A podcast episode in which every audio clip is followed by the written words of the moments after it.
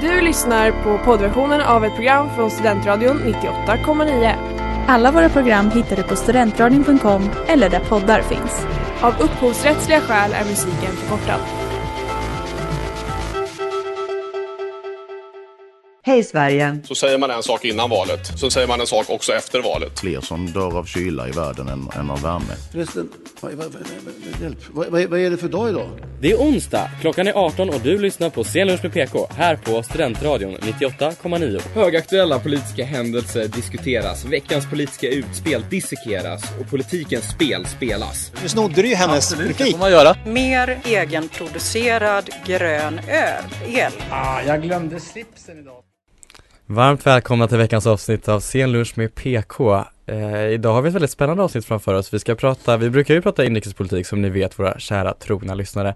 Idag ska vi prata om något som vi gärna tror att vi kan knyta an till inrikespolitiken. Men det kommer nog i slutet av avsnittet.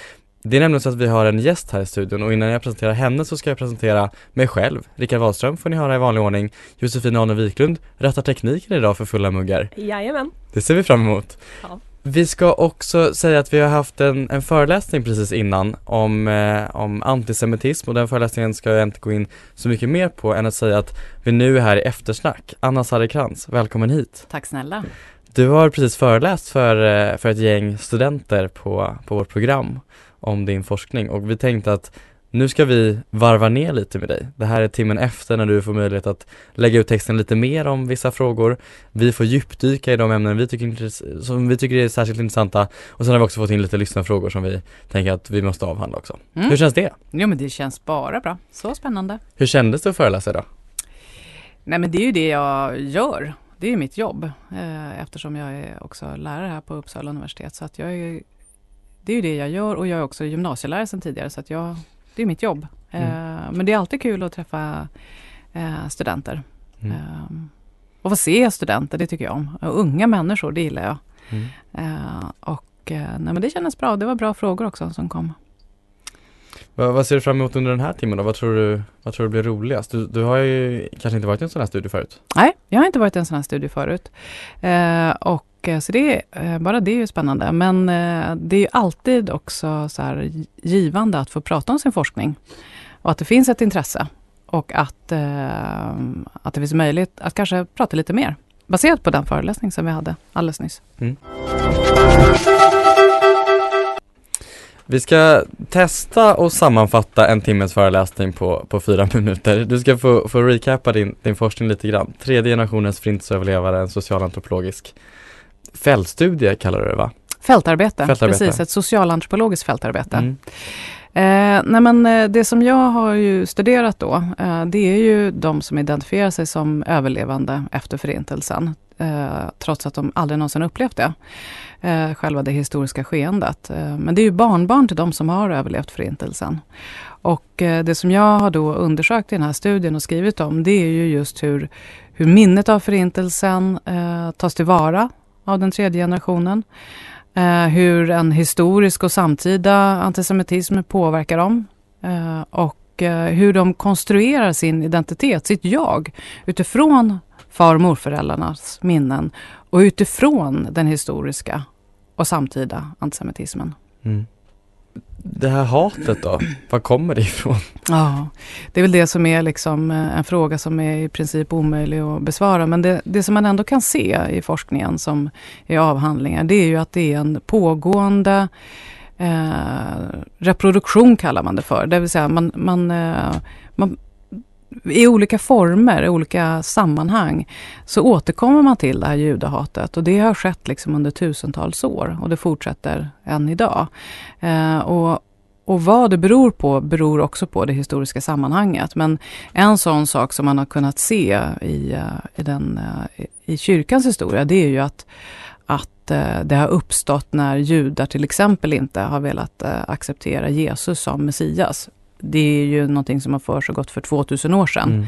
Mm. Eh, men också i samband med Luther eh, och för, vad är det, 600 år sedan.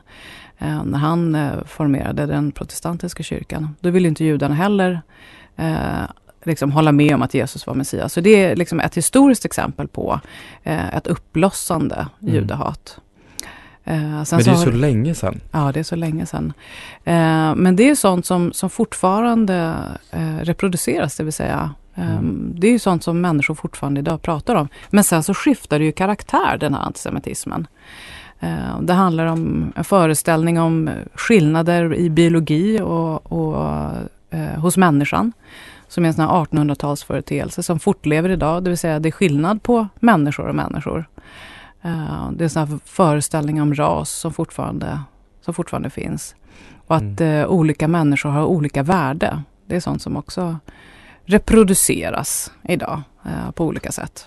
Kan man se alltså, några specifika kontexter eller sammanhang när antisemitismen blossar upp eller får ett uppsving? Eller skulle du snarare säga att det är en Alltså att det alltid pyser i bakgrunden eller jag skulle säga att det alltid pyser i bakgrunden. Ja. Uh, det var som jag sa i, eh, i, i, den här föreläsningen jag hade idag. Det är att den är Eh, det är forskare som menar att den är transhistorisk och transnationell. Det vill säga den är, den är oberoende av tid och plats. Eh, och den förekommer i liksom, jordens, på jordens alla hörn. Eh, så att den är, den är liksom en, en pågående diskurs kallar man det för. Ett pågående samtal om skillnader mellan människor och människor där några är bättre och några är sämre. Du pratar om, om extremism också och, och mobilisering och, och, mobilisering på nätet. Mm. Kan du inte lägga upp lite, texten lite om det?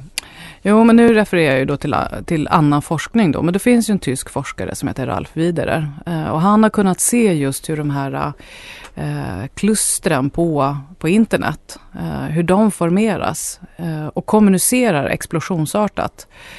Eh, även om eh, internet är ju liksom någonting som vi lever med varje sekund av vår vardag, eh, så är det ju ändå ur ett historiskt perspektiv någonting helt nytt. Vilket gör att det är ändå en ny företeelse att kommunikationen sker så snabbt som den gör idag. Eh, och där man också kan få anhängare eh, och kommunicera till en enorm mängd människor explosionsartat. Eh, det är liksom en ny företeelse ur ett historiskt perspektiv. Det är ju inte nytt som, som en nyhet idag för oss. Men om man, jag som gymnasielärare i historia just ser liksom på historien eh, att det är en ny företeelse. Jag är nyfiken på ditt fältarbete Anna. Eh, du har en anekdot, är kanske fel ord, ursäkta, men du pratar om en polisbil i din föreläsning. Mm. En polisbil vid en skola. Kan du inte berätta om det? Jo, just det. Jo, men eh, jag intervjuade en eh, person som jobbar i den judiska församlingen i, eh, i Stockholm. Eller som gjorde det då, nu jobbar hon där igen. Hon pausade lite. Men hon berättar om att hon har givit en bild av hur, hur det är för eh, barn och elever som går på den judiska förskolan och skolan mitt inne i Stockholm. Att varje morgon när de kommer dit Eh, så är det alltid en polisbil som är närvarande då när man börjar skolan och när man slutar skolan och förskolan då. Eh, och eh, hon, hon försöker sätta det här i perspektiv när, hon, när jag intervjuade henne därför att att om man som etnisk svensk, alltså i majoritetssamhälle, så går man ju faktiskt till förskola och skola utan att ha polisiär närvaro.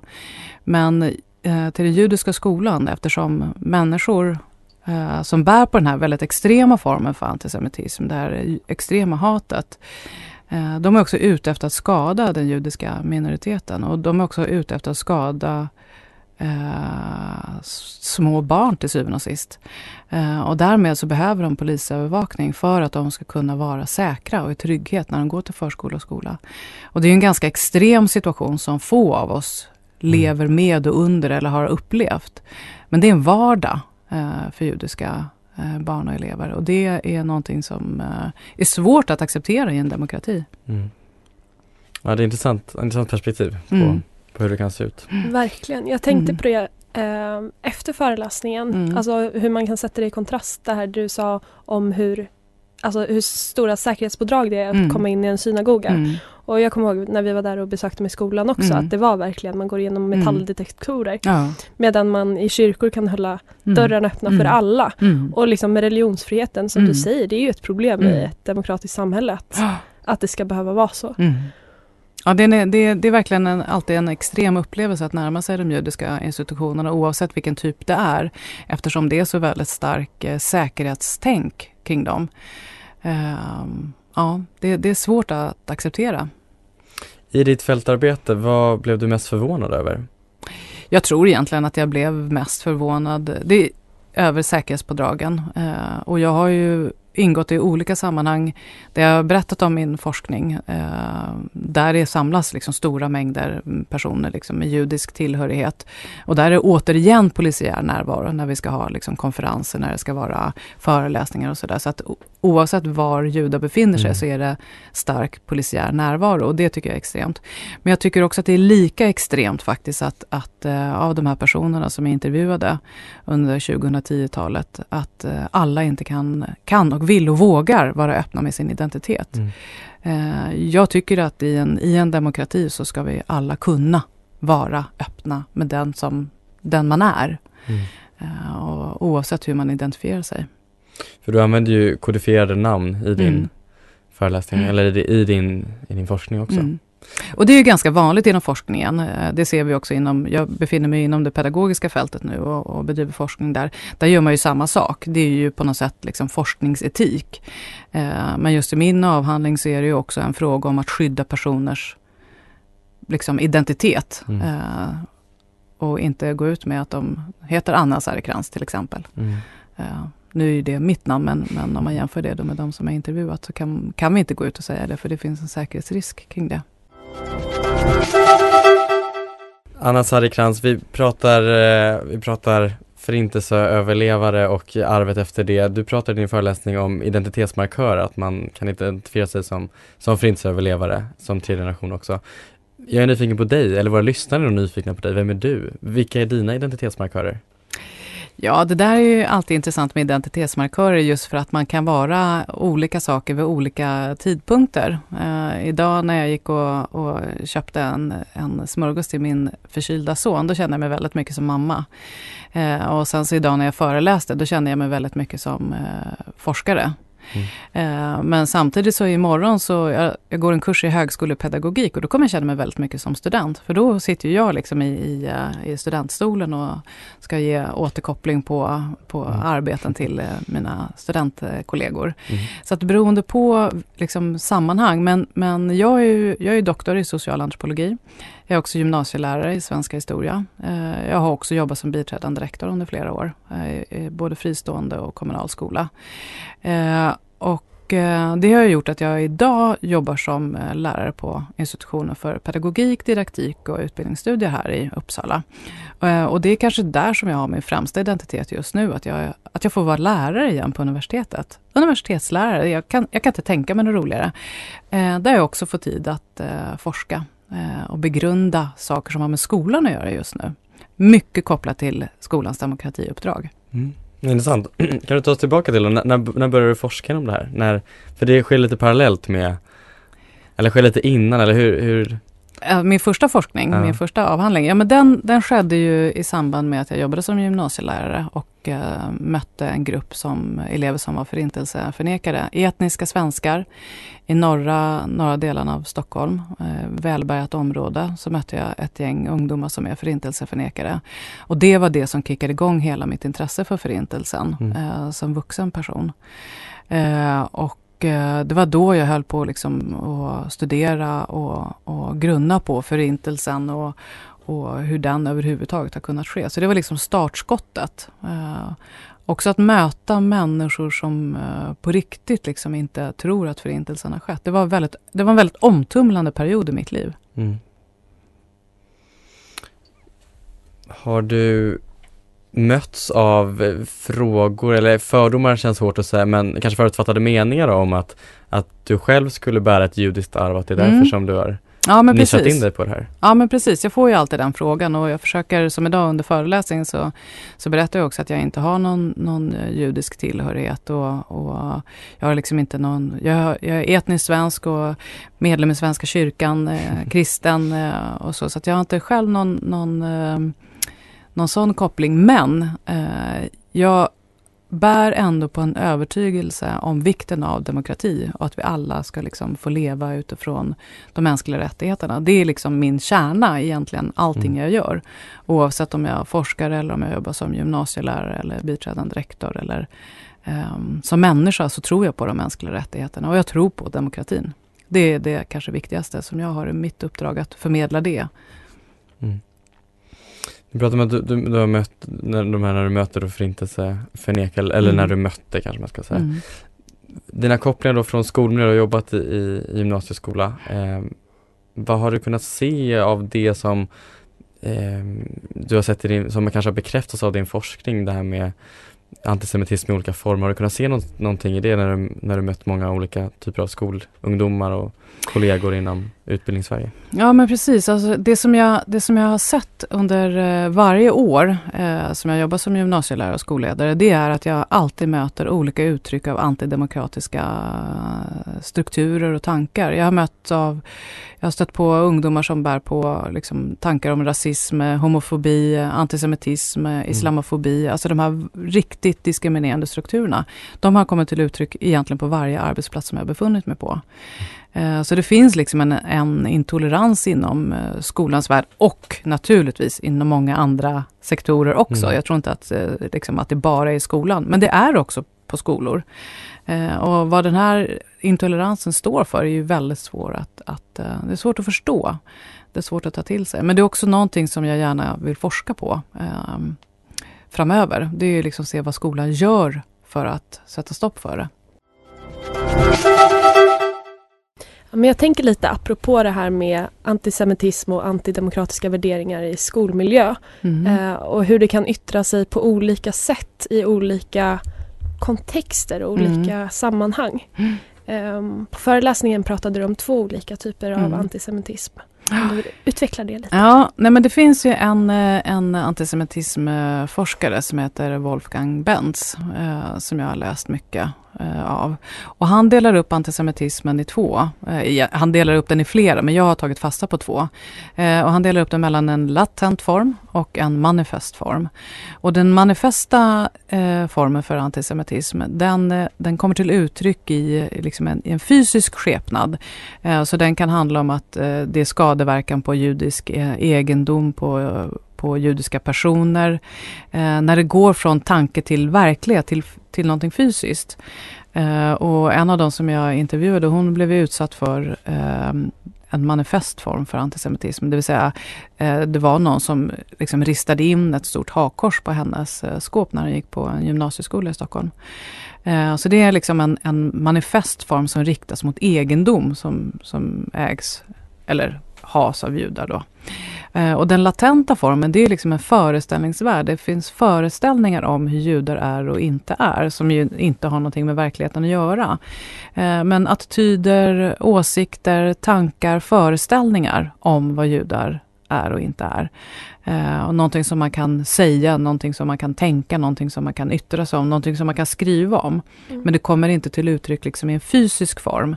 Det kallas en, en latent antisemitism, eller Benz kallar det för latent antisemitism. Så att jag har försökt se i min avhandling då eh, hur den latenta manifesta eh, formen för antisemitism har riktats mot den tredje generationen. Det vill säga vilka erfarenheter de har av de här olika typerna av antisemitism. Jag tänker lite, eller det blir ju lätt när man pratar om forskning och om avhandlingar att det blir ganska teoretiskt mm. och det blir liksom vad är det rent teoretiskt och konkret. Mm. Men om man ska, alltså diskriminering handlar ju så mycket om känslor och tankar och mm. egenvärde och mm. att man vill kränka någon mm. annans person. Mm. Alltså hur, hur har du sett att antisemitism har påverkat personer Eh, vad gör det med, mm. med både den här gruppen och individer? Ja, det som det gör det är ju framför allt då när man tittar på den här, äh, den här gruppen, de här barnbarnen till de som överlevt förintelsen. Det är ju att de identifierar sig utifrån en historisk händelse som de ju faktiskt inte har någonting med att göra. Eh, och, och de lever också med en, en... Eh, de behöver alltid relatera till. Så dels är det historiska minne som de behöver relatera till. Men sen så är det också en vardag som de behöver relatera sig till. Där de hela tiden vet att de kan bli utsatta för latent eller manifest antisemitism i sin vardag. Om de berättar att de har en judisk identitet. Eh, så att de, de lever under ett helt, eh, på ett helt annat sätt än vad, vad jag som etnisk svensk gör. Eh, det vill säga, jag kan, jag kan berätta för vem som helst att jag är svensk.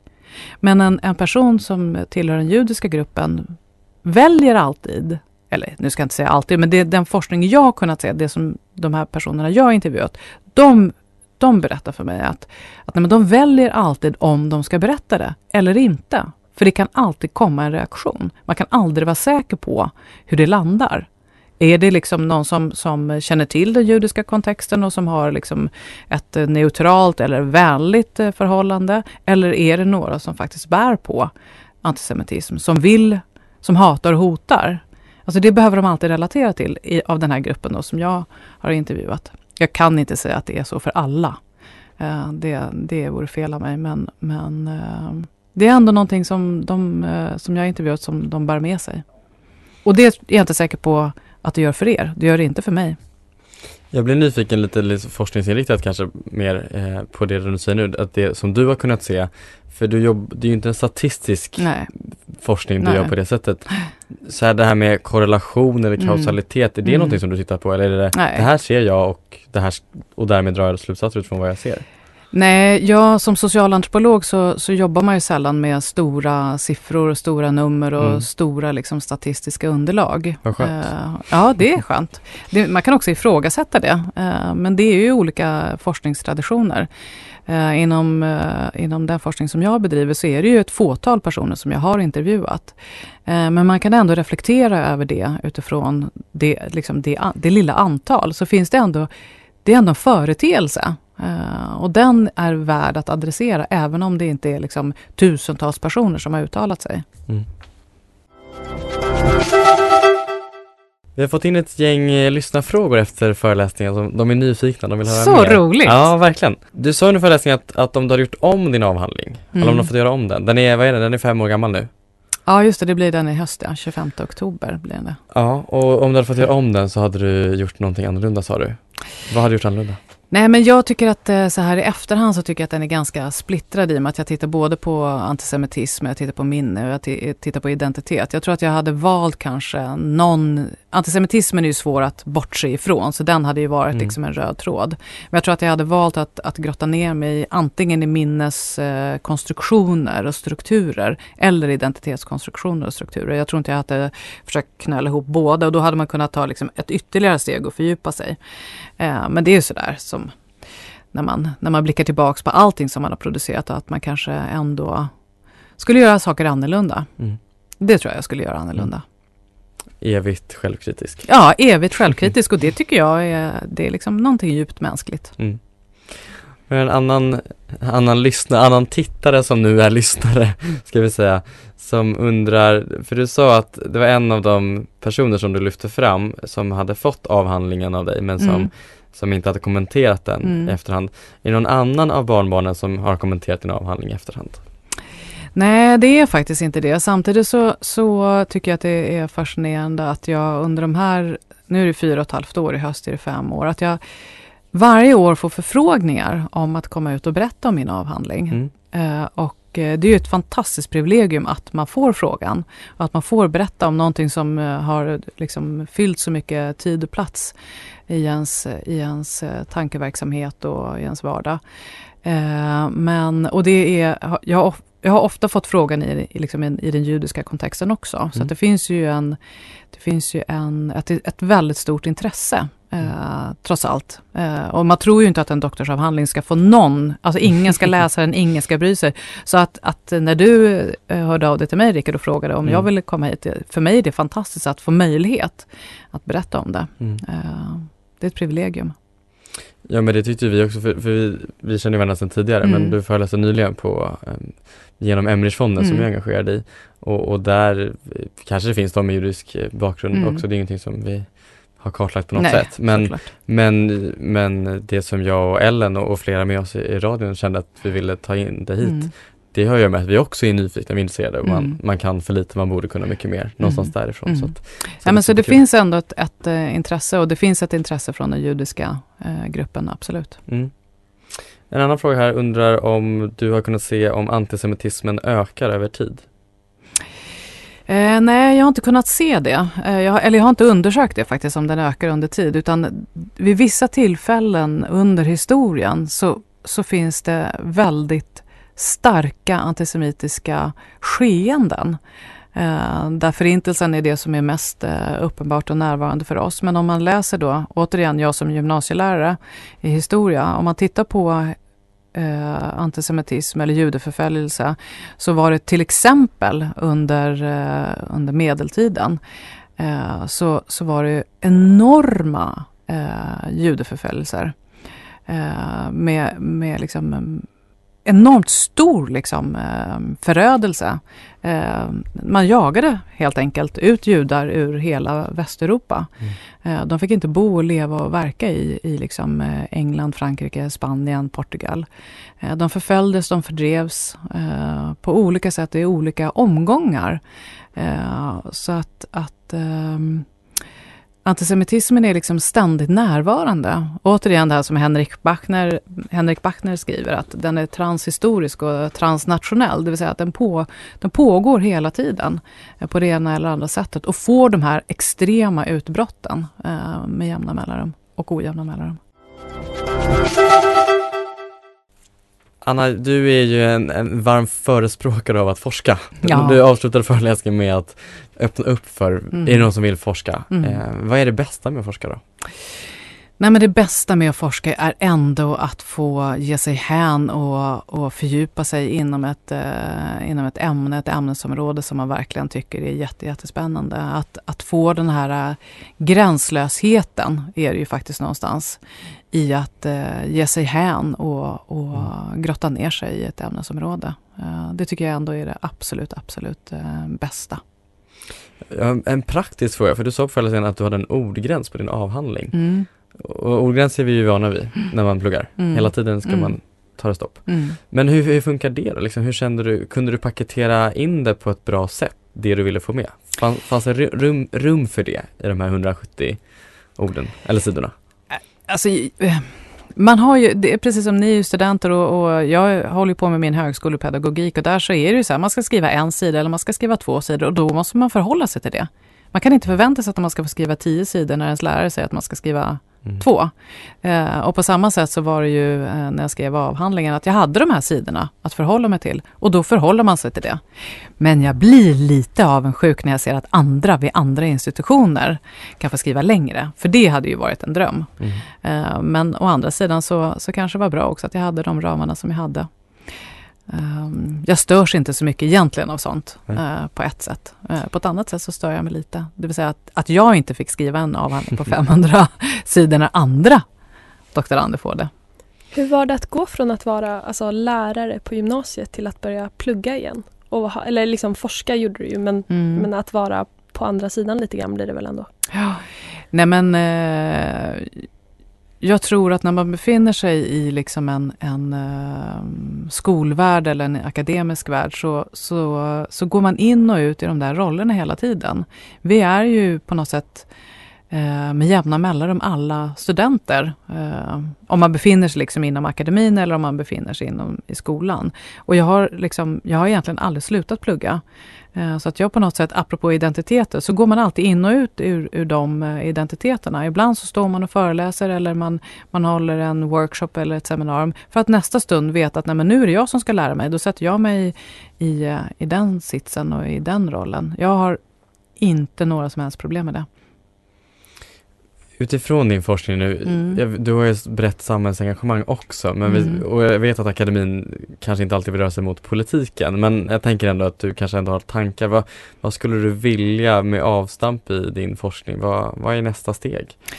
Nej, men det som jag eh, håller på med just nu, det är faktiskt att titta på lagstiftning rörande diskriminering tillsammans med en professor i juridik, eh, Lotta Lervall, som också är här i, i Uppsala, på Uppsala universitet. Eh, och vi vi eh, tittar just på liksom, lagstiftning som finns i diskrimineringslagen som, som eh, förordar hur eh, förskola och skola ska arbeta mm. mot diskriminering. Så vi går och drömmer om att vi ska kunna få göra en studie som, som verkligen går på djupet med att förstå hur diskrimin diskrimineringslagen efterlevs i förskola och skola. Så det är en dröm vi har. Vi får se om det blir så. Ja, spännande. Vad tänker du på liksom individnivå då? Om du ska tala till våra lyssnare som studenter. Vad kan man, vad kan man göra? Vi, jag tror vi möter antisemitism, kanske har vi en jargong som kanske bidrar till det ibland, vad vet jag. Mm. Vad kan vi göra som individer då för att gå mot någon slags rätt riktning i den här frågan? Ja, men jag, jag tror eh, på något sätt att vi, vi måste ta oss an, och jag vet att det här låter cheesy och överdrivet och, och svårt att och liksom kanske eh, omsätta i praktiken, men, men de mänskliga rättigheterna formulerades efter andra världskriget, efter förintelsen, när man förstod vidden av det som hade skett. Eh, och de finns ju formulerade på olika sätt i, i vår lagstiftning, eh, i skolans förordningar och sådana saker. Och, och jag tror att på något sätt att vi måste tänka tanken att vi alla är lika mycket värda. Och att det måste faktiskt också vara någonting som, som vi bär med oss i vår vardag. Att oavsett eh, om vi är, är, oavsett kön, sexualitet, sexuell identitet, eh, religiös tillhörighet, etnisk tillhörighet, eh, funktionsvariationer, ålder, alla de här parametrarna, att vi alla är lika mycket värda. Eh, och att vi har alla samma rättigheter. Eh, jag tror att vi ändå måste försöka tänka de tankarna uh, och leva utifrån en föreställning om att vi är lika mycket värda. Tiden går fort när det är oh. intressant. Vi, ska börja runda av, Anna. Eh, hur, hur kändes det här? Jo, men det är så otroligt eh, spännande format. Ja. Det här att sitta och, i en studio och, och prata om sin forskning. Ja. Det har varit jättekul att ha dig här. Ja, men jag är så, så tacksam himla... för att ni frågar mig. Ja, så himla kul med en gäst. Mm. Om man vill läsa den här avhandlingen, var hittar man den någonstans? Ja, men det är open access eh, på Uppsala universitets eh, bibliotek. Mm. Så hemsidan där, så bara man är student så kan man logga in och så kan man söka på mitt namn, Anna Sarikrans. Då är det den som kommer upp och det är open access så det är gratis att ladda ner. Ja, vad spännande. Jag har inte läst hela, men jag läste hela den. Den är väldigt, väldigt intressant. Ska säga. Har du något sista medskick då? Ja, men det som jag tycker ändå är viktigt, eh, som var viktigt för mig när jag eh, blev doktorand första gången och när jag tog upp eh, min forskning efter 15 år, det var att jag eh, bara berättade för eh, personer i min omgivning eh, att jag hade liksom påbörjat min doktorsavhandling till personer som jag visste skulle peppa mig, som skulle tro på mig, som skulle stötta mig eh, som var liksom ja-sägare till att fatta mm. ett sånt här beslut i livet. Och inte berättade för människor som jag visste skulle säga att det här går aldrig och du kommer aldrig klara det, du kommer aldrig orka. Eh, så jag försökte liksom eh, i de här samtalen om min avhandling omge mig med människor som trodde på mig, som stöttade mig och som, som, uh, som ville min avhandling väl. Mm. Uh, och och eh, framförallt man ska omge sig med människor som tror på en, för då tror man också på sig själv till sist. Mm. Eh, med så här, motgångar och medgångar i ett avhandlingsarbete, det är ju verkligen att kastas mellan hopp och förtvivlan stundtals. Eh, och då ska man ha kompisar, familj, eh, partners eh, som tror på en. Mm. Man behöver det under de åren. Mm. Spännande. Jag tänker också på, på, individnivå, kanske till våra lyssnare som lyssnar som kanske blir forskare sen om, mm. om Anna får, får rätt. eh, men också att engagera sig och göra någonting. Jag tänker du lyfte föreningen Sikaron. Mm. Om man är, och det är tredje generationens, kanske yep. fjärde också? Ja, några tredje generationer och några ja. fjärde generationer. Som är ute och föreläser. Jag tänker Ellen som vi sänder mer som tycker de här frågorna är viktiga som gick ledarprogram om det här och, till exempel. Det finns ju mm. mycket man kan göra. Att man, också mm. gör det så att det inte bara stannar vid att man, det här är viktigt och så blir det inte så mm. mycket mer av det. Och det finns så himla många frågor man kan engagera sig i. Verkligen. Och många saker man kan mm. göra. Mm. Jag tror, du och jag pratade om det på vägen hit Rickard, att man ska eh, göra någonting, eh, man kan engagera sig i frågor som man orkar avsätta lite tid för, men kontinuerligt. Mm. Eh, en avhandling är ju någonting som uppslukar hela ens, hela ens vardag. Men om man vill engagera sig i små frågor så ska man göra någonting som tar lagom med tid så att man orkar hålla i och hålla ut, mm. tänker jag. Men det är en annan, det är en annan podd. Det är en annan podd. Den här podden tar slut nu. Eh, Anna Sarkrans, stort tack för att du var med och gästade oss och pratade om din forskning. Tack för att jag fick komma. Tredje generationens förintelseöverlevare. Vår temasändning för den här terminen. Jätteroligt. Tack Jossan för bra råddat med tekniken. Jajamän. vi får se när vi ska klippa ihop det här sen. Och vi är tillbaka nästa vecka med ett rykande färskt inrikespolitiskt avsnitt till er kära lyssnare. Ha det bra så länge. Hej! Hej, hej då! Du har lyssnat på poddversionen av ett program från Studentradion 98,9. Alla våra program hittar du på studentradion.com eller där poddar finns. Och kom ihåg, att lyssna fritt är stort, att lyssna rätt är större.